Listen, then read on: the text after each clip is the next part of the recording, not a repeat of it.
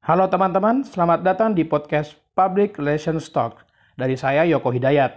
Podcast mengenai PR sebenarnya itu sudah ada beberapa di luar negeri.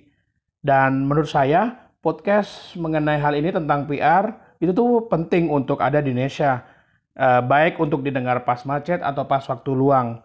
Nah, jadi di podcast ini akan membahas mengenai tren kehumasan yang ada di Indonesia, di sekitar kita, seperti isu, informasi, atau buku-buku baru dari eh, toko-toko PR, atau bahkan nanti bisa ngobrol santai juga dengan para toko PR, yang tentunya menarik untuk dibahas bersama.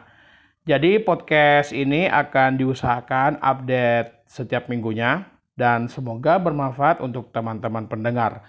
Sekian perkenalan dari saya. Selamat mendengarkan.